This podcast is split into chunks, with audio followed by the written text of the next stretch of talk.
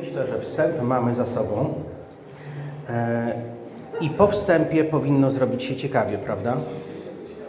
Więc chciałbym e, odnieść to, co będę mówił, do pewnego wersetu ze e, Słowa Bożego, gdzie jest napisane, że Henoch chodził z Bogiem.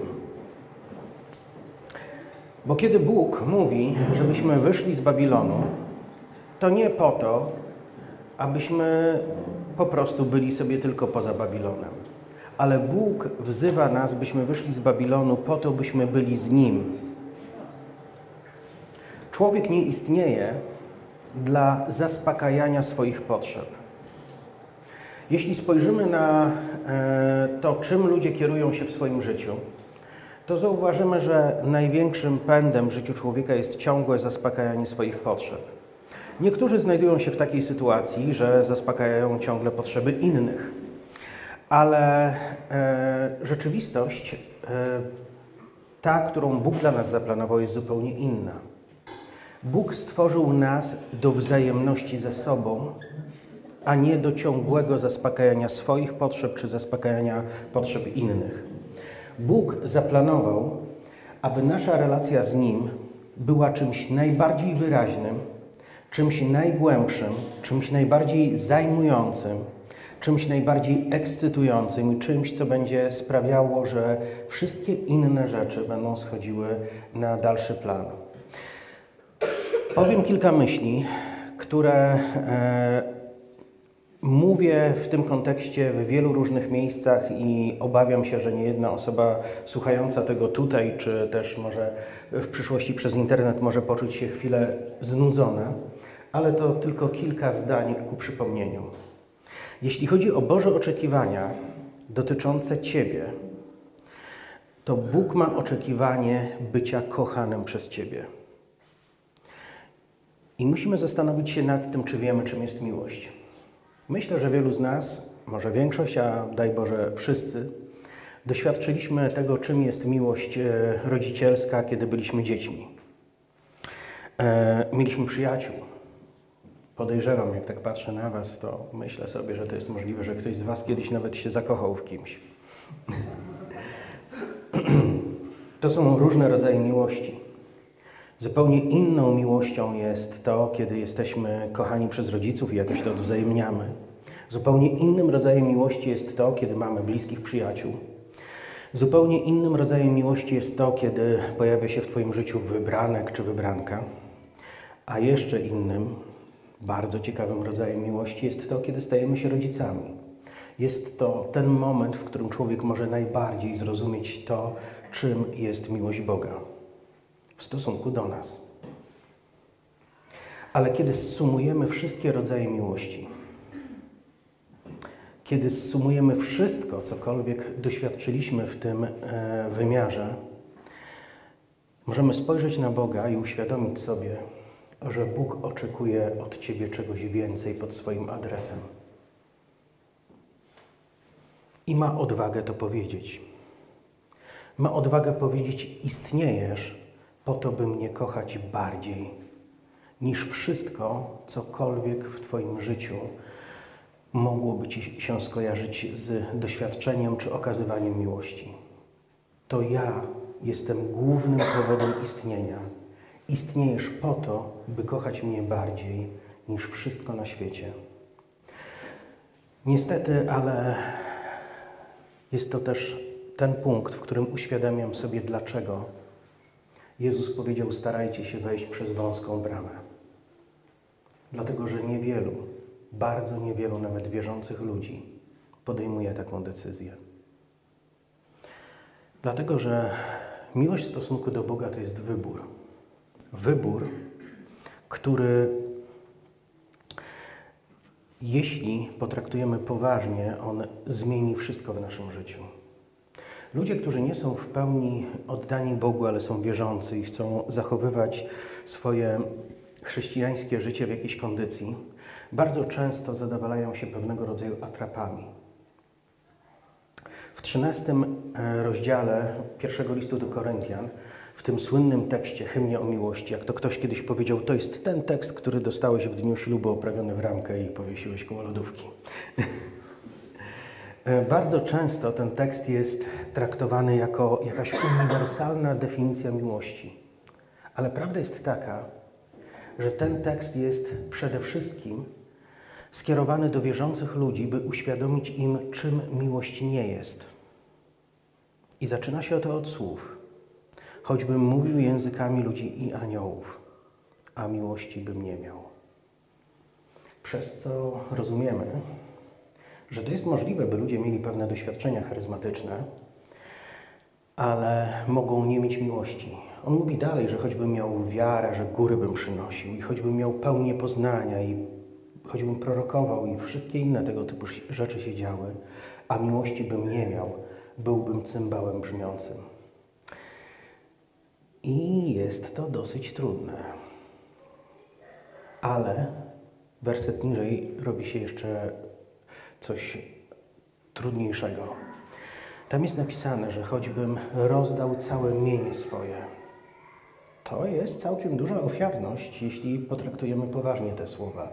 Choćbym rozdał całe mienie swoje, a ciało swoje wydał na spalenie, a miłości bym nie miał, nic mi to nie pomoże. Co to znaczy? To znaczy, że Bóg chce nam powiedzieć: Nie dam się oszukać. Kiedy rodzic czuje poczucie winy w stosunku do dziecka, że za mało z nim spędza czasu, kupuje mu droższą zabawkę. Kiedy mąż chce odwrócić uwagę żony, wparowuje któregoś dnia z biednymi kwiatami, które zostały pozbawione życia, ścięte i składa je na ołtarzu miłości.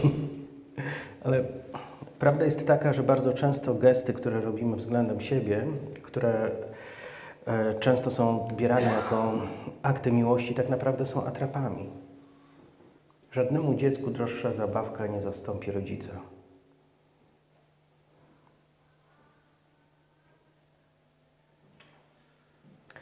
Ale bardzo często ludzie dokonują pewnej ofiarności, też z myślą o Bogu. Ktoś mi opowiadał ze szczegółami, nie zapamiętałem tego, ale ktoś mi opowiadał, e, jak jacy mafiozi inwestowali pieniądze w remontowanie różnych kościołów w Wrocławiu.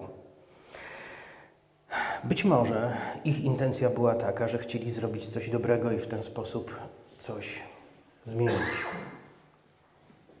Ale ja w to nie wierzę. Bóg nie da się wypchać sianem. Bóg nie da się wypchać cudzymi pieniędzmi.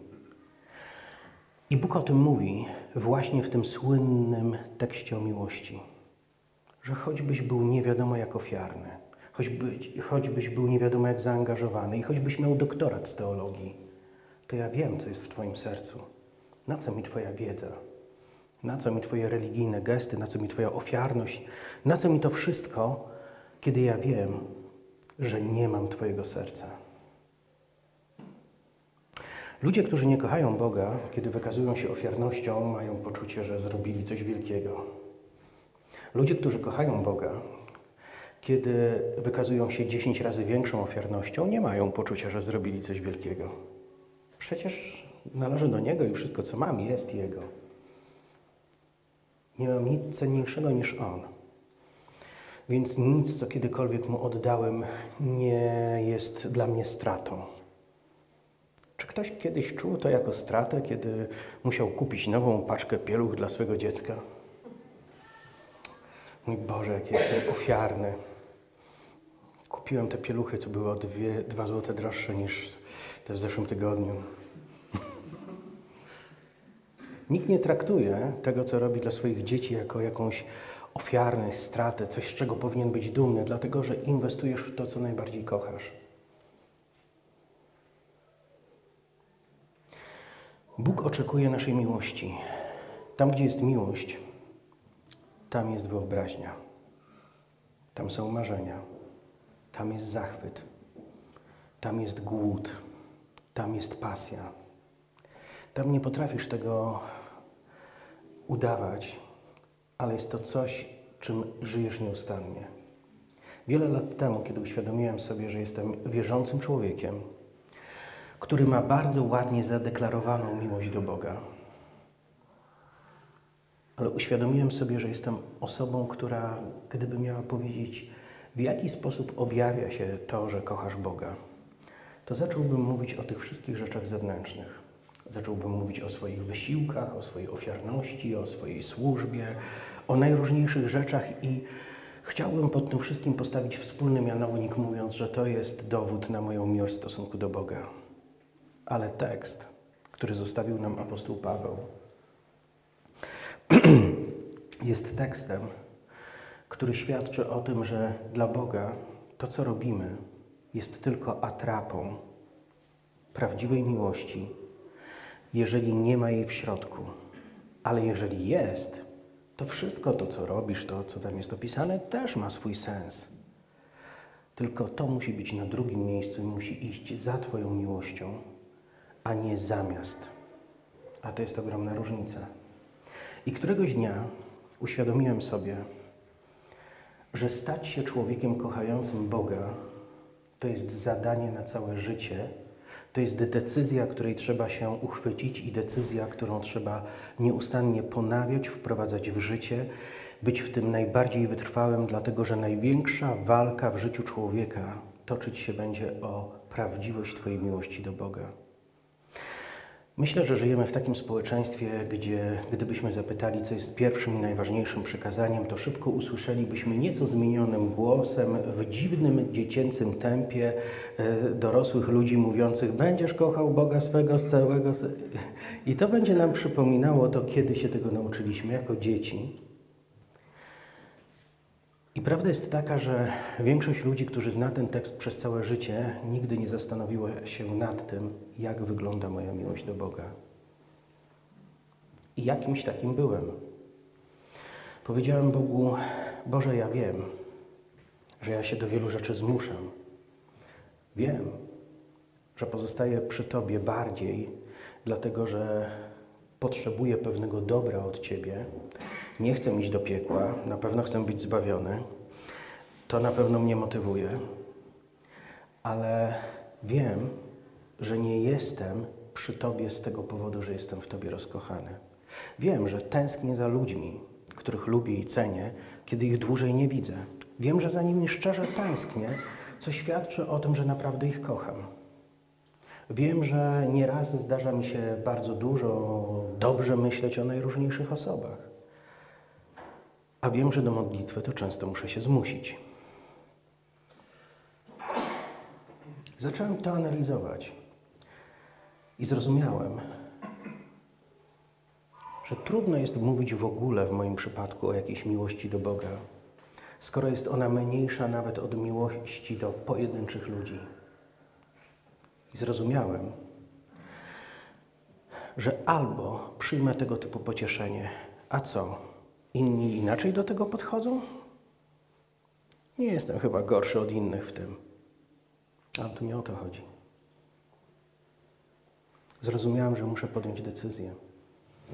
Powiedziałem któregoś dnia, budząc się z rana, Boże, i powiedziałem to przez zęby, zmuszając się i mając poczucie, jakbym był nastolatkiem, który musi zrobić coś, co jest bardzo obciachowe i jednocześnie słuszne. Boże, kocham Cię. Następnego dnia, jak wstałem, też mu to powiedziałem. I następnego dnia, i następnego, po jakimś miesiącu, kiedy się obudziłem, uświadomiłem sobie, że nie zastanawiam się nad tym, jak dobrze wyglądają niektóre z moich koleżanek. uświadomiłem sobie, że moje myśli nie błądzą po najróżniejszych rewirach, po jakich błądzić potrafią.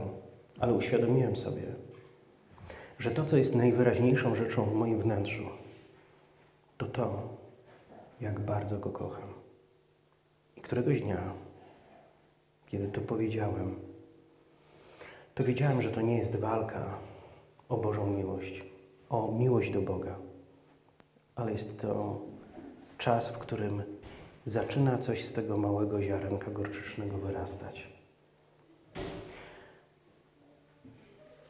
Fajnie byłoby powiedzieć tutaj, i od tego dnia już wszystko było cudownie. Nie.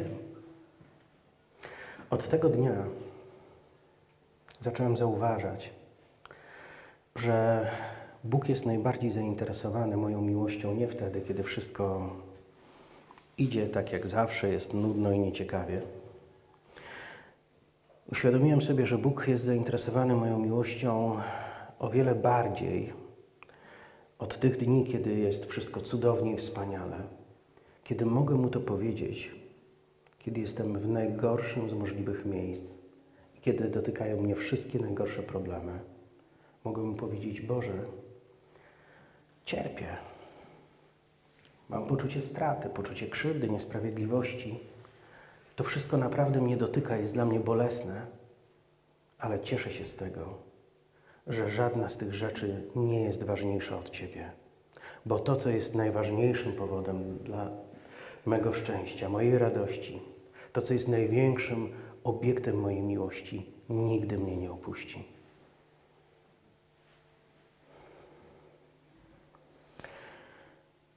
Bóg słyszy nasze uwielbienie i widzi naszą miłość najjaśniejszą w momencie, kiedy jesteśmy w rzeczywistości, która jest najbardziej kontrastowa do tego, najbardziej ciemna. Wtedy to, co jest w Twoim sercu, to, co jest szczere, to, co jest prawdziwe, jest najjaśniejsze. To wychodzi na wierzch. Nauczyłem się też, czym jest okres, który możemy nazwać takim okresem milczenia Boga. Nieraz rozmawiam i niedawno rozmawiałem z osobą, która powiedziała: Bóg tak wiele w moim życiu robił, tak wiele mówił, tak wiele się działo, a teraz, teraz od miesięcy go nie słyszę, teraz nie wiem w jakim punkcie jestem, nie wiem czy go obchodzę. Znam ten czas, znam takie momenty. Ale w końcu uświadomiłem sobie, o co w tym wszystkim chodzi. Kiedy Bóg milczy, wtedy zajmuje się słuchaniem Ciebie. I możesz mu powiedzieć, ten świat i wszystko, czego doświadczam, jest tak okropne, wstrętne i tak bolesne, że mam wszystkiego dość i czuję się rozczarowany, rozczarowany Tobą, nienawidzę Ciebie, mam Cię dość. Wiecie, często ludzie w momentach cierpienia mówią w kierunku Boga najgłupsze rzeczy, jakie przychodzą im do głowy ale często też właśnie w tych momentach cierpienia uświadamiasz sobie, że choćby wszystko cię zawiodło i wszystko się rozsypało, to On jest największym skarbem Twojego życia, którego nikt Ci nie odbierze. Zacząłem się uczyć. Zacząłem się uczyć na temat Bożej miłości wtedy, kiedy zdecydowałem, że chcę być człowiekiem, który kocha naprawdę. Chcę być człowiekiem, który zaspokoi Boże oczekiwanie miłości. Daleki jestem od tego, by powiedzieć, że wyszło mi to doskonale i by stawiać się za wzór w tej sprawie. Ale na pewno mogę powiedzieć o sobie, że jestem człowiekiem, który podjął taką decyzję i zaczął wprowadzać ją w życie. Mam nadzieję, że będę miał z czego być dumny, kiedy będę u kresu tego czasu. Mam nadzieję też, że to nie będzie dzisiaj. Sorry, Markus. Chodzi o to, że nie przyjechałem tutaj sam trzymając kierownicę, tylko ktoś inny. Ale e, wierzę w to, że bez decyzji o tym, by być osobą spełniającą w stosunku do Boga ten obowiązek i te pierwsze przykazanie, bez świadomej, przemyślanej decyzji, bez konkretnych działań, bez okiełznania swego umysłu i serca dla osiągnięcia tego celu, nigdy nie staniemy się ludźmi kochającymi Boga tak, jak On tego od nas chce. Chcę, by moja miłość zaspokoiła Boga. Chcę być odpowiedzią na Jego oczekiwania. Mówiłem o tym, że wiele cudów się dzieje na ziemi. Ale Bóg widzi cud, coś, co jest dla niego cudem. Kiedy widzi stworzenie budzące się do tej świadomości, stworzenie, które chce uchwycić jego serce i być odpowiedzią dla niego. Kiedy stajemy się niewolnikami miłości w stosunku do Boga, zaczynamy chodzić z Bogiem. Wiecie, to jest ciekawe, że w języku polskim, jak jakiś delikwent przyjrzy się dobrze jakiejś delikwentce, to zadaje później pytanie, czy będziesz ze mną chodzić. Więc po tym e, wezwaniu, które Bóg czyni do nas, ludu mój, wyjdź z Babilonu, jest później pytanie, czy będziesz ze mną chodzić? Czy będziesz ze mną chodzić, jak Henoch ze mną chodził? Biblia mówi o tym, że Henoch chodził z Bogiem. I to było niezwykłe. Henoch nawet doszedł trochę za daleko, bo Biblia mówi, że któregoś dnia, jak tak chodzili razem, wiecie, miałem kiedyś kolegę i dużo rozmawialiśmy. Więc ja go odprowadzałem do niego do domu i kiedy byliśmy u niego przed domem, to staliśmy długo, rozmawialiśmy, rozmawialiśmy. W końcu dochodziliśmy do wniosku, że to on musi mnie odprowadzić i on mnie odprowadzał. Później się rzecz powtarzała i tak czasami spędzaliśmy ileś godzin rozmawiając na różne e, tematy. I myślę, że Bóg z Henochem miał podobny problem. Więc chodzili i odprowadzali siebie nawzajem, aż w końcu Bóg doszedł do wniosku, że to nie ma sensu i mówi, to wbijaj się do mnie. I Biblia mówi, że Henok chodził z Bogiem i został zabrany. I pozostał z Nim. To jest niezwykłe. Ale Bóg chce, abyśmy chodzili z Nim i chcę, abyśmy doświadczali coraz więcej z Nim. Przez y, e, pierwsze dni tego roku miałem okazję podróżować po Polsce razem z Danesteinem. W zeszłym roku gościliśmy go na naszym obozie na 100% w Ostrowie Pieckowskim. E, I e, ten czas, który spędziliśmy z Danem, był naprawdę bardzo bardzo uduchowiony. Dany też zostawił mi większą ilość swoich książek pod tytułem Oni przyjaźnili się z Bogiem. Wiecie, tu jest jeszcze małym drukiem. Przepraszam, bez oni. E, e, tu jest jeszcze małym drukiem e, coś takiego. Mieszkam w niebie, tylko pracuję na ziemi. To trochę opisuje mentalność danego. Ale chciałbym opowiedzieć Wam kilka rzeczy, które Dany opowiadał w trakcie tych podróży.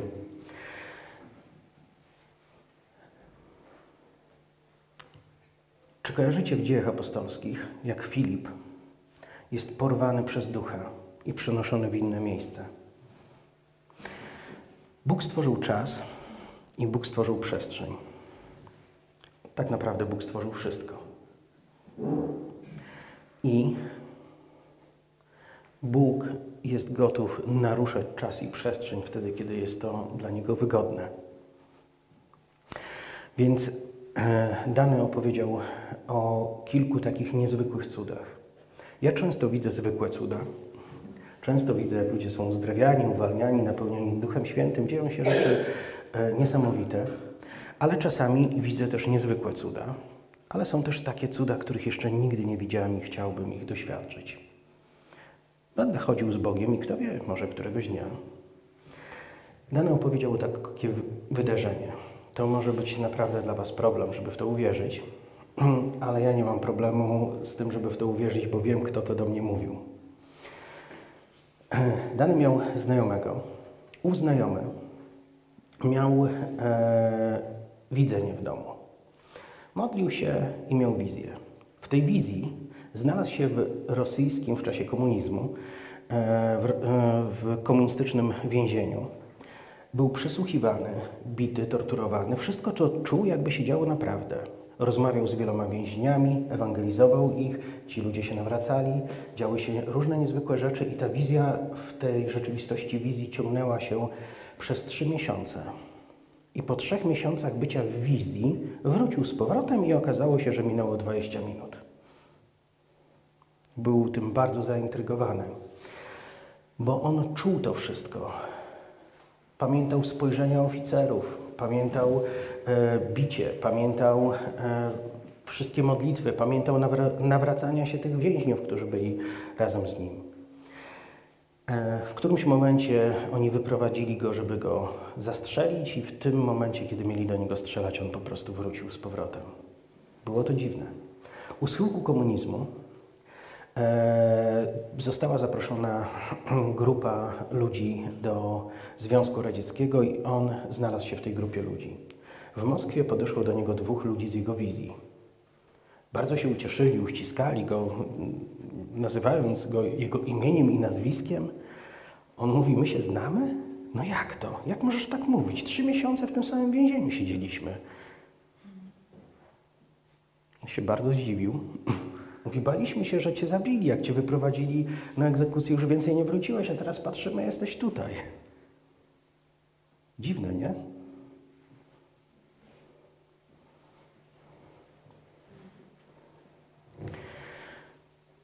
Myślę, że Bóg może robić rzeczy z czasem i przestrzenią takie, jakie chce. Dany opowiadał, jak jakiś czas temu e, był na spotkaniu modlitewnym w Stanach i w którymś momencie w trakcie tego spotkania miał wizję, zobaczył przed sobą drzwi. Więc jak zobaczył drzwi, to pomyślał sobie, że takie coś to, to służy do przechodzenia. Więc przeszedł przez te drzwi i znalazł się w Indiach. Wtedy Podszedł do niego człowiek, którego dobrze znał. Powiedział mu o pewnym dziecku, które właśnie świeżo umarło. Modlili się o to dziecko, coś się zmieniło i dany z powrotem wszedł przez drzwi i znowu był na tym spotkaniu modlitewnym. Tylko z tą różnicą, że trochę bardziej oszołomiony tymi wydarzeniami. Chwilę później e, zobaczył, że znajduje się na spotkaniu w Afryce, gdzie jest Surprise Seed Hall. E, znają się dobrze i przyjaźnią, więc zaczął z nim rozmawiać. Rozmawiali długo, śmiali się, umówili się na coś dalej. I chwilę później był z powrotem na spotkaniu w Stanach i dalej się modlił. Po tym wszystkim doszedł do wniosku, że to był dzień, w którym działy się jakieś niezwykłe wizje. To jakieś takie naprawdę zdumiewające.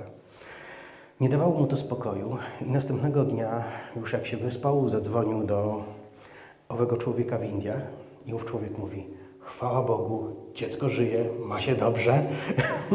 mówi, czy my się wczoraj widzieliśmy? No tak, byłeś u mnie, razem modliliśmy się o to dziecko. E, więc zadzwonił do Surprise'a. E, pyta Surprise'a, Surprise, czy my wczoraj ze sobą rozmawialiśmy? Surprise zaczął się śmiać. Mówi, a co, zostałeś przeniesiony przez Boga? mówi, no tak. Bóg robi zdumiewające rzeczy i wiecie, Jego nie obchodzą prawa fizyki. Jego nie obchodzi czas. Wszystko to jest Jego prywatną własnością, którą może wziąć jak kulkę plasteliny i ulepić z tego to, co mu się podoba. Cała rzeczywistość jest Jego własnością, a On jest wszechmogący. Jego wszechmoc to coś trochę więcej niż to, co my możemy sobie wyobrazić, bo nasze Mózgi zostały stworzone przez wszechmogącego Boga.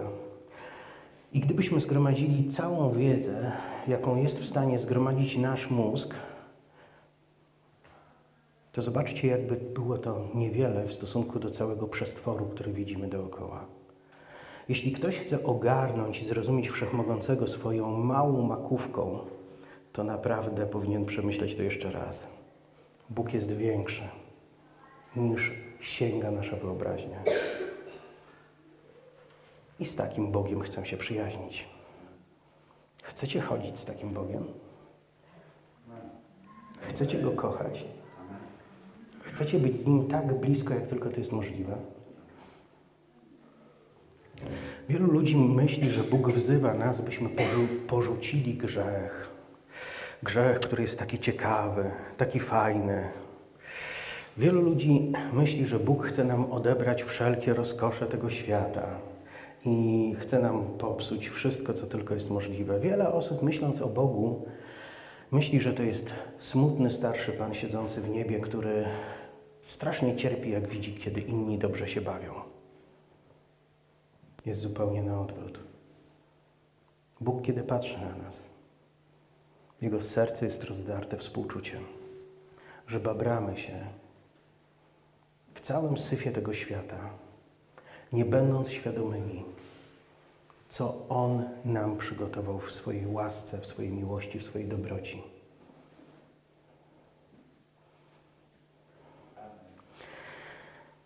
Widziałem wiele niezwykłych cudów. Widziałem Boga przemieniającego życie. Widziałem, jak ludzie zrozpaczeni stają się ludźmi szczęśliwymi. Widziałem, jak Bóg naprawdę, tak jak jest to napisane w psalmach, zamienia powody do płaczu w taniec. On taki jest.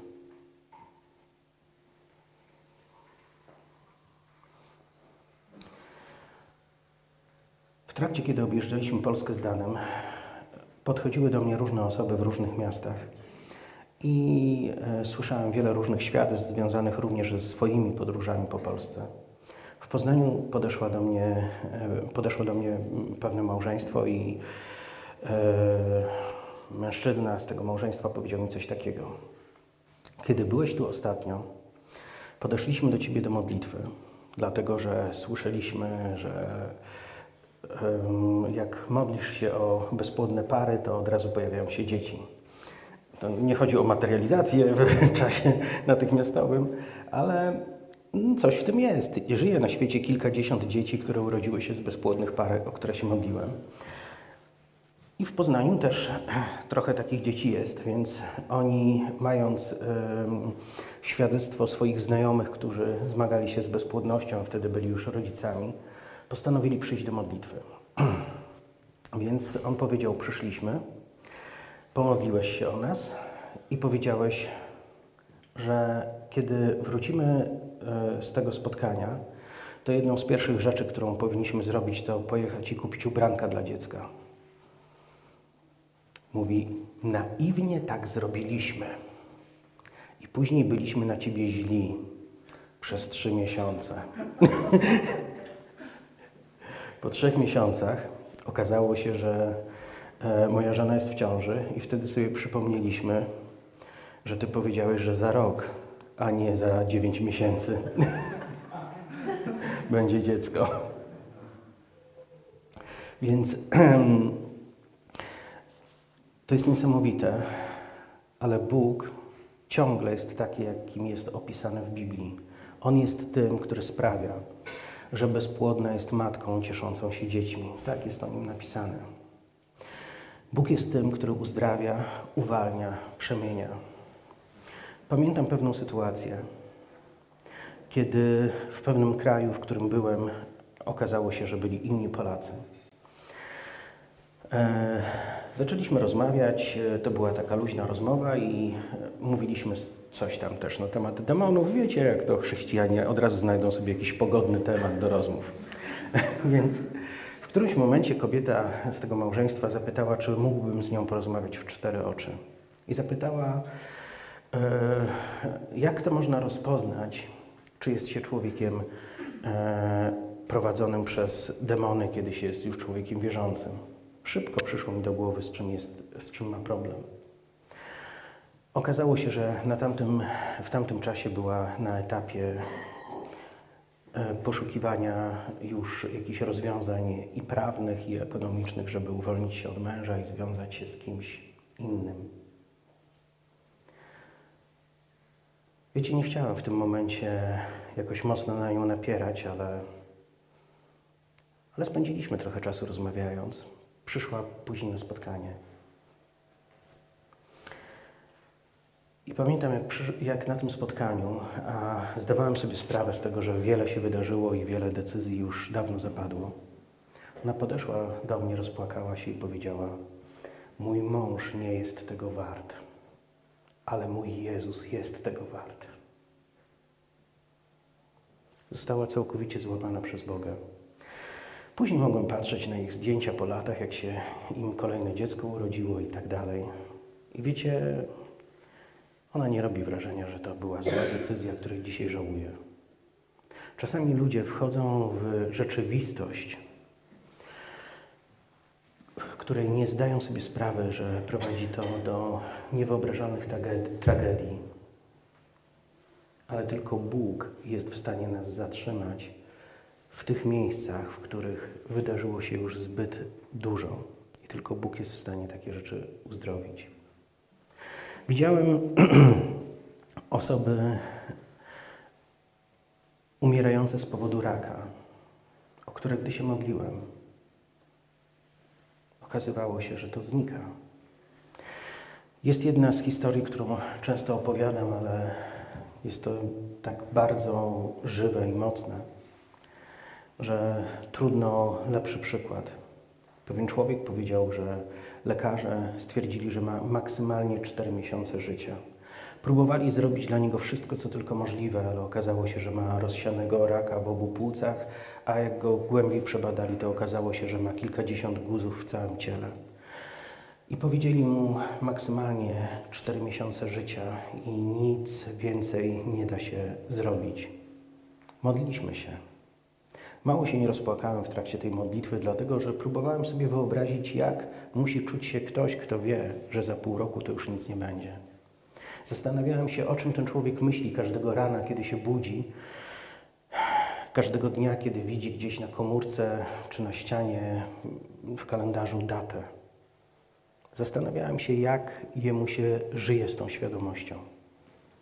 Ale kiedy modliliśmy się, to nie wydarzyły się żadne wzniosłe emocjonalnie sceny, nie mieliśmy wielkiego poczucia wiary, triumfu, zwycięstwa.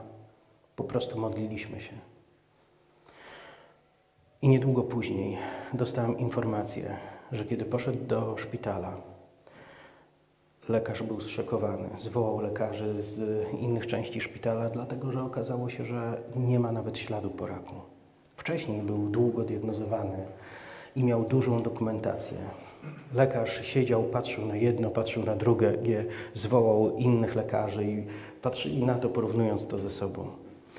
Dwa lata od momentu tego uzdrowienia zadzwoniłem do pastora um, owego człowieka, żeby zapytać, co z nim się dzieje, i okazało się, że jest w najlepszym stanie. Chyba zapytam o to po raz kolejny, ale to jest niesamowite, kiedy widzisz Boga, który czyni takie rzeczy.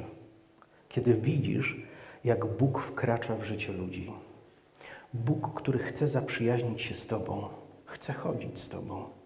I kiedy będziesz się z Nim przyjaźnił, kiedy będziesz z Nim nie z powodu głodu czy chęci przeżywania jakichś charyzmatycznych zjawisk, ale z chęci pozostawania w bliskości z Nim, to okaże się, że wszędzie, gdziekolwiek idziesz z Bogiem, niebo idzie z Tobą. Bóg jest nadpobudliwy. I Bóg często potrafi zrobić rzeczy niezwykłe. I nawet nie planujesz, że się coś wydarzy, a rzeczy się dzieją. Pewnego dnia zostałem zaproszony, by poprowadzić nabożeństwo w pewnym kościele i stało się coś takiego. Pastor, z którym byłem na obiedzie przed tymi wydarzeniami, powiedział takie słowa. Dla mnie to brzmi złowróżbnie. Powiedział, chciałbym, żebyśmy jeszcze przed nabożeństwem pojechali do takiej rodziny, żeby się pomodlić. Ja sobie wyobraziłem wszystkie takie sytuacje i pomyślałem sobie, teraz usłyszę, to jest tylko 5 minut drogi stąd, a po pół godzinie, jak zapytam, czy jeszcze daleko, to usłyszę, że jeszcze tylko 5 minut. E, I tak naprawdę, ojej, to, to dla tych, którzy przysypiali. I i to, co się stało, to e, okazało się, że to naprawdę było 5 minut drogi. E, rzeczy dotyczyła dwóch małych dziewczynek. E, obie miały tak potworną alergię, że nie było wiadomo, czym je karmić, bo na wszystko miały e, od razu odrzut i e, konsekwencje. Dodatkowo jedna z tych dziewczynek miała bardzo wyraźnie szpotawą stopę i było to mocno wykręcone ale były, były bardzo małe. Trudno e, byłoby dyskutować z takim. O, niedobrze. E, więc e, kiedy znaleźliśmy się tam w mieszkaniu, okazało się, że na dole są niezadowoleni teściowie z powodu tej wizyty. Więc zacząłem modlić się o te dziewczynki. Położyłem na nie ręce, wziąłem nóżki tej małej dziewczynki, która miała wykręconą stopę i w jednej chwili poczułem szarpnięcie w dłoni, tak jakby się coś wydarzyło. Pomyślałem sobie, że była wystraszona i po prostu cofnęła stopę i dlatego poczułem ruch w swojej dłoni. Jak się okazało, w tym momencie nastąpiło całkowite uzdrowienie i stopa wróciła do właściwego wymiaru. Zostały całkowicie uzdrowione z alergii. I kiedy tego dnia jadły wszystko, co tylko się dało, to teściowie, którzy byli niezadowoleni i zobaczyli, co się wydarzyło. A ja byłem tam w środku naprawdę dosłowne 5 minut, bo jakoś nie wiem czemu, ale nie ucięłem długiej teologicznej konwersacji z tymi dziewczynkami, więc tylko się o nie pomodliłem i wyszłem. Okazało się, że zostały uzdrowione i e, później dostałem telefon, gdzie e, organizator tego spotkania powiedział takie słowa, że ci ludzie, którzy byli tacy pełni focha w stosunku do ciebie, to teraz ciągle nas pytają, kiedy będziesz następny raz, bo chcą być na spotkaniu. I wiecie, kiedy Bóg zaczyna wkraczać w Twoje życie, to zaczynają dziać się rzeczy fantastyczne. Kiedy Bóg zaczyna wkraczać w Twoje życie, okazuje się, że dzieją się rzeczy, które z ludzkiego punktu widzenia są niewykonalne. Jest wielu narkomanów, o których modliłem się krótką chwilę. Mam profesjonalną wiedzę z zakresu e, mm, terapii uzależnień. E, nawet e, mam e, certyfikat zdobyty w jednym ze studiów terapii uzależnień, więc nie jestem laikiem. I wiem, jako człowiek pracujący od wielu, wielu lat jako profilaktyk w tym zakresie, wiem, że ludzie nie wychodzą z nałogu w jednej chwili. Ale modliłem się o niejednego narkomana, który wcześniej staczał długie boje, by wyjść z nałogu i to było nieskuteczne, a po modlitwie już nigdy więcej nie było walki. Modliłem się o niejednego alkoholika, który od razu po modlitwie przeszedł do stanu abstynencji. Bóg, który chce się z Tobą zaprzyjaźnić, chce z Tobą przejść przez życie. Bóg, który chce się z Tobą zaprzyjaźnić, nie wymyślił dla Ciebie życia pustelnika, który będzie siedział zamknięty gdzieś w jakiejś mrocznym e, jaskini przy świeczce i będzie spędzał dnie na odmawianiu litanii. Ale Bóg zaplanował dla nas przechodzenie przez życie w Jego obecności i oglądając Jego cuda, które Mu towarzyszą. Dawno temu usłyszałem pewien obraz, który e, chcę tutaj przedstawić i który dosyć trafnie wyraża to, jak wygląda rzeczywistość, w której człowiek naprawdę na poważnie zaczyna chodzić z Bogiem. Więc wyobraźmy sobie małą mrówkę, która włazi na słonia. I kiedy jest już na szczycie słonia, gdziekolwiek ten szczyt by był, e, słoń ma ochotę się przebiec. Słoń i mrówka są ze sobą razem, więc słoń zaczyna biec i kiedy przebiegnie się przez dżunglę, to powstaje wykarczowana autostrada. Mrówka może stojąc na szczycie słonia spojrzeć do tyłu i powiedzieć słoń, kurczę, ale myśmy razem tutaj zadymę zrobili. Życie z Bogiem tak wygląda. To jesteś Ty i Jego możliwości.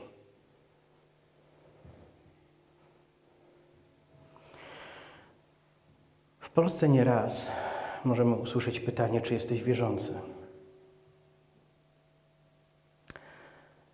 I myślę, że wielu ludzi może powiedzieć, tak, jestem wierzący. Jakub w końcowej części Nowego Testamentu mówi takie słowa. Ty wierzysz w Boga? Dobrze, ale demony również wierzą i drżą ze strachu. Właściwe pytanie nie brzmi, czy wierzysz w Boga ale właściwe pytanie to, czy Go kochasz, czy Mu służysz, czy żyjesz z Nim, kim On dla Ciebie jest naprawdę, jak wygląda Wasza więź. Są rzeczy, których nikt nigdy nie zrobi za drugiego człowieka. Nikt nigdy za nas się nie nawróci. Nikt nigdy za nas nie będzie pokutować. Nikt nigdy za nas nie będzie kochać Boga. Nikt nigdy za nas nie będzie żył z Nim. Są rzeczy, które mogą ludzie zrobić za nas. Ktoś może spłacić nasze długi. Ktoś może nam kupić fajną furkę, Zachęcam, jakby ktoś miał ochotę. Mam już dosyć duży przebieg na tym. Ktoś może być dla Ciebie miły. Ktoś może naprawdę zrobić wiele rzeczy, które mogą okazać się dla nas użyteczne. Ale Bóg zastrzegł, żeby nikt nie mógł za Ciebie zrobić czegoś, co Ty musisz zrobić z Nim.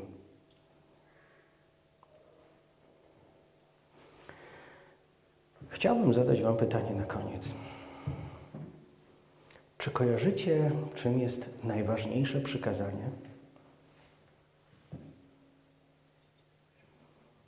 Czy ktoś z Was dzisiaj może zaczyna rozumieć to trochę bardziej niż przed tym spotkaniem? Czy tak się stało w stosunku do kogokolwiek z Was? Jedna, dwie, trzy osoby. No, pie, nie, no chyba więcej. Dobra. Okej, okay. niektórzy nawet stereofonicznie zrozumieli. Ale zrozumienie to nie wszystko. Pismo mówi, że choćbym miał pełnię poznania, choćbym miał pełnię wiedzy, nic mi to nie pomoże.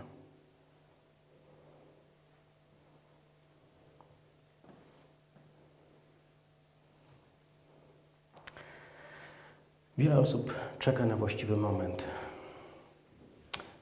Wielu ludzi myśli sobie, no jak ja to już w końcu tak poczuję w środku, nie poczujesz. To tak się nie dzieje.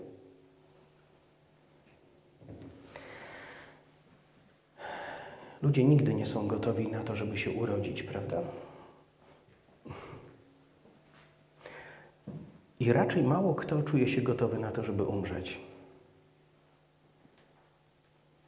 Nigdy nie poczujesz, że to jest najwłaściwszy dzień, najwłaściwszy moment, w którym rozpocznę swoje życie z Bogiem na najwyższych obrotach, sięgając najgłębszych pułapów, jakie jestem w stanie sobie tylko wyobrazić w relacji z Nim. Nigdy tego nie poczujemy.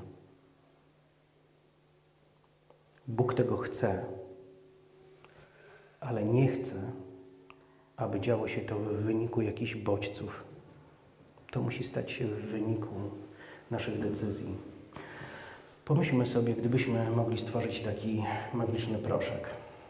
Posypujesz, twoje dziecko z rana przychodzi, wciąga nosem i od tego dnia, pod wpływem tego proszku, przez kolejne trzy dni będzie miłe, będzie dobrze się do ciebie odnosić, będzie grzeczne i wykonywać wszystkie twoje polecenia.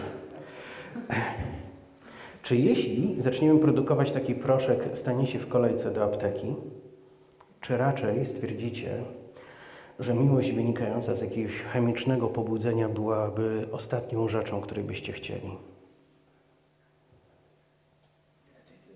Hmm? Bóg chce Ciebie i Bóg chce być chciany przez Ciebie wbrew wszelkim okolicznościom. Możemy być stworzeniem, które wyłoni się jak gwiazdy na niebie przed Jego obliczem. Każdy z nas ze swoim sercem zakochanym w Nim może być cudem, największym cudem. Możemy zalśnić wielkim blaskiem w Jego oczach. I Bóg może patrząc na Ciebie powiedzieć, nie mogę się doczekać, aż się w końcu ta jędza obudzi i przeżyjemy kolejny dzień razem. Nie mogę się doczekać, kiedy w końcu On wstanie i pójdziemy przez ten dzień, przeżywając wszystko to, co przygotowałem.